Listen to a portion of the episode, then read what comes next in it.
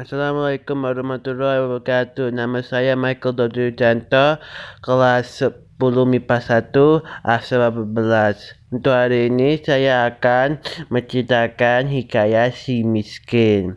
Hikayat si miskin. Ini hikayat ceritalah orang dahulu kala sekali peristiwa Allah Subhanahu Wa Taala menunjukkan kekayaannya kepada hambanya. Maka adalah seorang miskin lagi bini berjalan mencari rezekinya berkeliling negara antar perantara. Adapun nama raja di dalam negara itu Maharaja Indra Dewa. Namanya terlalu amat besar kerajaan Baginda itu. Beberapa raja-raja di tanah Dewa itu takluk kepada Baginda dan mengantar upeti kepada Baginda pada setiap tahun. Hatta maka pada suatu hari Baginda sedang ramai dihadapi oleh segala raja-raja, menteri, hulu balang, raja sekalian di penghadapnya. Maka di miskin itu pun sampailah ke penghadapan itu. Setelah dilihat oleh banyak orang banyak, si miskin laki ini dengan rupa kainnya seperti di mana anjing rupanya. Maka orang banyak itu pun ramailah ia tertawa seraya mengambil kayu dan batu. Maka dilempar dia akan si miskin itu kerana tubuhnya habis bengkok, pengkat dan berdarah. Maka segala tubuhnya pun berlumur dengan darah. Maka orang pun gembala. Maka tidak baginda. Apakah yang gembar di luar itu sembah segala raja-raja itu? Ya Tuhanku Syah Allah. Orang melempar si miskin tuanku. Maka minta baginda suruh usir jauh-jauh maka diusir orang lah akan si miskin hingga sampailah ke tepi hutan. Maka orang banyak pun kembali lah. Maka hari pun malam lah maka baginda pun berangkatlah masuk ke dalam istananya itu maka segala raja-raja dan menteri hulu balang raja sekalian itu pun masing-masing pulang ke rumahnya Adapun akan si miskin itu apabila malam ia pun tidur di dalam hutan itu. Setelah siang hari, maka ia pun pergi berjalan masuk ke dalam negeri mencari rezekinya. Maka apabila sampailah dekat kepada kampung orang, Apabila orang yang mempunyai kampung itu melihat akan dia, maka diusir dengan kayu. Maka si miskin itu pun larilah. Ia lalu ke pasar. Maka apabila dilihat oleh orang pasar itu, si miskin datang. Maka masing-masing pun datang ada yang melontari dengan batu, ada yang melalu dengan kayu. Maka si binti itu berlarilah dengan langgang. Tubuhnya habis belum dengan cara. Maka menangis setelah ia berseru-seru sepanjang jalan itu dengan sesuatu sangat lapar harganya Tapi akan matilah rasanya. Maka ia pun bertemu dengan tempat orang membuangkan sampah-sampah. Maka berhentilah ia di sana. Maka dia cari caharianya lah Di dalam sampah yang tertimpun itu barang yang boleh dimakan. Maka didapatinya lah ketupat yang sudah pasti dibuangkan oleh pasar itu dengan buku tebu lalu dimakannya ketupat yang sebiji itulah kibini. Setelah sudah dimakannya ketupat itu maka barulah dimakannya buku tebu itu maka adalah segar rezeki rasanya tebunya karena berapa lamanya tidak merasai nasi. Hendak mati rasanya ia hendak meminta ke rumah orang takut. Jangan diberi orang barang sesuatu. Hampir pada rumah orang itu pun tidak ada boleh demikian. Si miskin itu sehari-hari hatta maka hari pun petanglah maka si miskin pun berjalan akan masuk ke dalam hutan tempatnya sedia kala itu. Di sana lah ia tidur. Maka di sampingnya lah darah yang di tubuhnya tidak tak boleh keluar karena darah itu sudah kering. Maka si miskin itu pun tidur dalam hutan itu. Setelah pagi-pagi hari maka berkata si miskin kepada istrinya, Ya Tuhanku, mestilah rasaku ini sangat terkejutnya rasa tubuhku ini. Maka dia telah berdaya lagi hancurlah rasanya anggota ini. Maka ia pun bersetuju menangis. Maka terlalu rasa hati istrinya melihat laku suaminya demikian itu. Maka ia pun menangis berseraya mengambil daun kayu lalu diramanya. Maka disampaikannya lah seluruh tubuh suaminya sambil ia berkata, Diamlah Tuhan jangan menangis. Maka selalu ku ini adapun akan si miskin itu aslinya daripada Raja Kendaraan. Maka kena sumpah petara Indra maka jadilah ia demikian itu.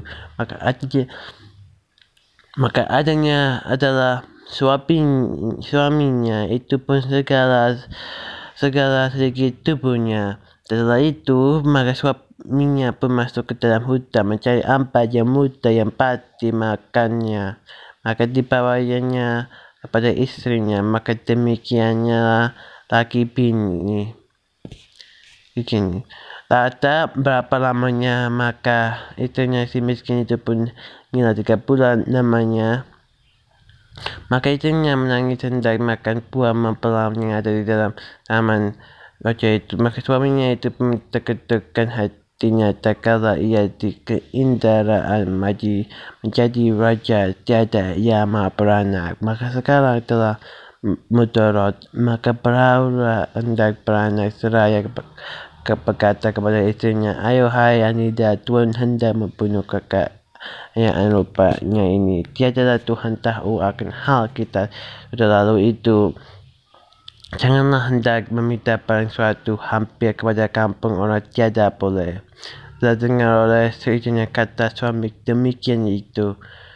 Maka makinlah sangat ia menangis. Maka katanya suaminya, Diamlah Tuhan jangan menangis. Berilah kak kanda pergi mencari harikan Tuhan buah mempelam itu. Jikalau dapat oleh kakak akan buah mempelam itu, kanda berikan pada Tuhan. Maka istrinya itu pun diamlah. Maka suaminya itu pergilah ke pasar mencari buah pepelan itu. Setelah sampai di orang berjual pula pepelan, maka si miskin itu pun berhenti di sana.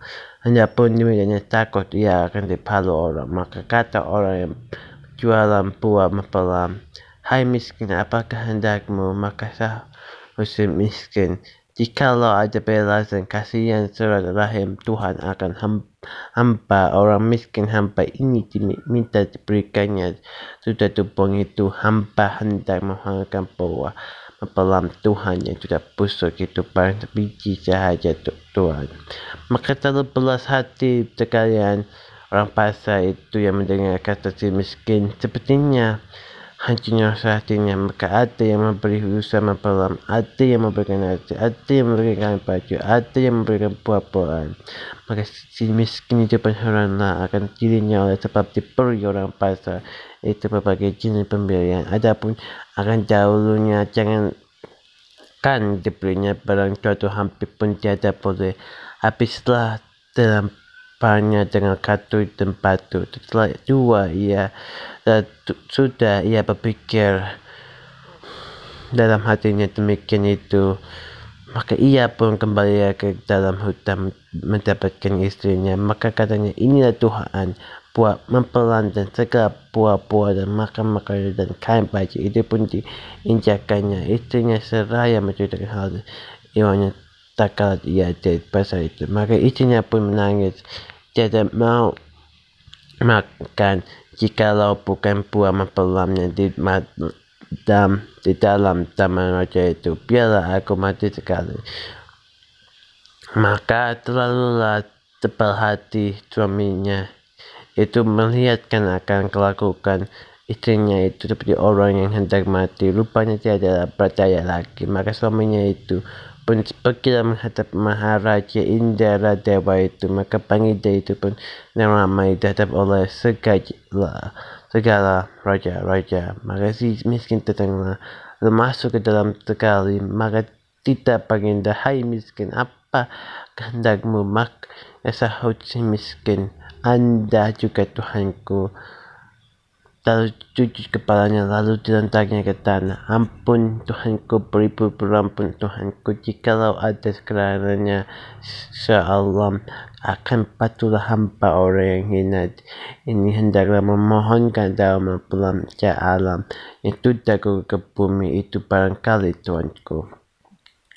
Maka tidak baginda hendak engkau buatlah apa dalam pelan itu maka sembah si miskin hendak dimakan Tuhanku maka tidak baginda apabila karena barang tertangkai berikan kepada si miskin itu. Maka diambilkan orang diberikan pada si miskin itu. Maka diambillah oleh si miskin itu seraya menyebar kepada baginda itu. Lalu keluar ia berjalan kembali. Setelah itu maka baginda pun berangkatlah masuk ke dalam istananya maka segala raja-raja dan dan mesti numpang barang aja segala itu pun masing-masing pulang ke rumahnya. Maka si miskin pun sambil sampailah kepada tempatnya. Setelah dilihat oleh istrinya akan suaminya datang itu membuat buat pelan tetangga maka ia tertawa setelah disebutnya oleh dimakannya maka adalah antara yang tiga bulan namanya maka ia pun menangis pula hendak makan. Nah kayak di malam taman raja itu juga. Maka si miskin itu pun pergilah pula mohon, memohonkan kepada panggilan itu. Maka dijutlah pula ia kepada panggilan. Maka tidak berkata apa pula kehendak muhai miskin? Maka sahut si miskin. Ya Tuhanku apa beri pengampun sampai Yesus kalau letakkan ke tanah. Sahut. Ia berkata pula, hamba ini orang yang miskin, hamba yang minta daun naga yang keluar ke bumi. Barang terhelai maka maka tidak baginda, hai miskin, hendak kau buatkanlah apa daun naga, baiklah aku beri buah barang sebiji. Maka diberikan kepada si miskin itu, maka ia pun tujuh seraya pemohon kembali mendapatkan istrinya itu. Maka ia pun sampailah setelah dilihat oleh istrinya itu suami datang itu. Maka si sambutnya buang naga itu. Lalu dimakan oleh istrinya itu. Adapun selama istrinya miskin hamil maka banyaklah makannya makannya kain baju dan pada tidak segala perkara perkakas-perkakas itu diberi orang kepadanya. Ada maka dengan hal yang demikian itu maka kenapa punya bulannya. Maka pada ketika yang baik dan saat yang sepunya pada malam 14 hari bulan maka bulan itu pun sedang terang. Maka pada ketika itu istrinya si miskin itu pun pernah seorang anak laki dalam lama baik parasnya dan elok rupanya. Maka dinamainya akan anaknya itu makaroma. Artinya anak di dalam kesukaran. Maka diperlihatkannya lah anaknya itu. Maka selalu amat kasih sayang akan anak itu. Tidaklah pula bercerai barang ketika jua pun dengan adanya makaroma itu. Hatta maka dengan takdir Allah SWT mengari kepada abahnya maka si miskin pun mengalirlah tanah hendak membuat tempatnya di anak itu maka tinggalnya nah itu hendak mendirikan tiang berterak itu maka terkaya kepada sebuah telaji yang besar-besi emas selalu banyak. Maka istrinya pun dalam melihat akan emas itu saya berkata kepada suaminya adapun akan emas ini sampai kepada anak cucu kita sekalipun tiada habis buat belanja. Assalamualaikum. Assalamualaikum warahmatullahi wabarakatuh. Nama saya Michael Tanto. Asal 18 kelas 10 1 akan menyelesaikan podcast ini.